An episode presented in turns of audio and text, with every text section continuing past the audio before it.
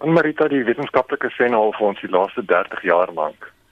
Ehm um, dat ons hierdie probleem in die toekoms het. En die probleem is nou besig om te arriveer. Hulle sê dat ons klimaat verander, baie daarvan word warmer en soos wat die gradiënte van uh, temperatuurverskille uh, verhoog styler word, gaan ons meer intense weer ehm um, gebeure mm. uh hê.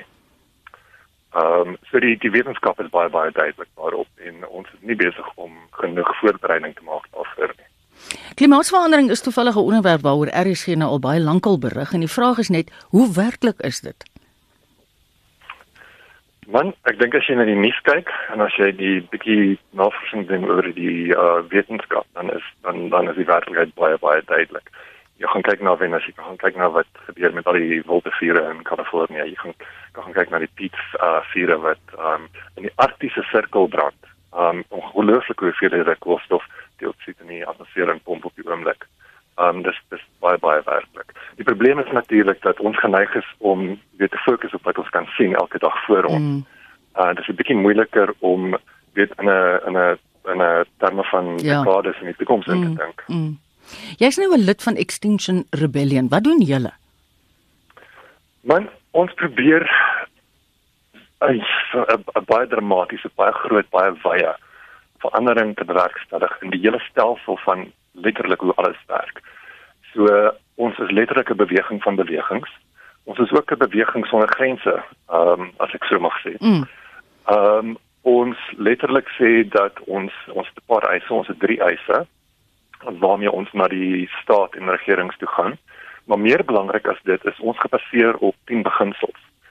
So ons het die navorsing gedoen, ons het gekyk en besluit dat die manier om hierdie ding te doen is nie ideologies nie en is nie suiwer polities nie. So dit baie NPOs en uh mm. vakbonde en so aan het 'n baie spesifieke ideologiese benadering wat gebaseer is op 'n storie wat gebaseer is op 'n spesifieke konteks. Wat ons wil doen is ons wil al hierdie verskillende kontekste verbind. Ons wil brûe bou tussen mense in verskillende omstandighede, verskillende klasse, verskillende lewensraamwerke sodat ons almal saam kan staan en die beste kan doen wat ons moontlik kan doen. Julle is nogal 'n voorstander van ingrypende verandering in lewenstyl. Gee ons 'n voorbeeld wat ons kan doen. Man, ek is huiwerig om te sê om selfs hier voorbeelde te gee, want een van ons een van ons basiese uh, benaderinge is dat ons nie vir mense wil sê wat om te doen nie. Want die oomblik as jy dit begin doen, dan begin dit weer ideologies te raak. O, okay. Ehm um, So dit ons is ons is meer gefokus op beginsels soos dat ons nie gewelddadig wil wees nie. Want as ons kyk na wat in die wêreld gebeur, hoe meer kritiese situasie raak, hoe meer geneig is daar om 'n soort van knee-jerk reaction te wees. En as ons nie versigtig is nie, gaan ons opeindig in 'n situasie van 'n tipe van ekofasisme waar elkeen is besig om te baklei vir sy eie lot. Mm. Dit moet elkeen vir sy eie lot baklei dan eventually baklei almal met almal en dis wat ons probeer vermy. Andre, ons het aanvanklik van Extinction Rebellion gehoor toe hulle met 'n veldtog van betogings in Londen begin het. Hoe het die organisasie in Suid-Afrika ontstaan? Um man Extinction Rebellion uh publiseer ek self betrokke by die media and messaging uh, afdeling. Mm.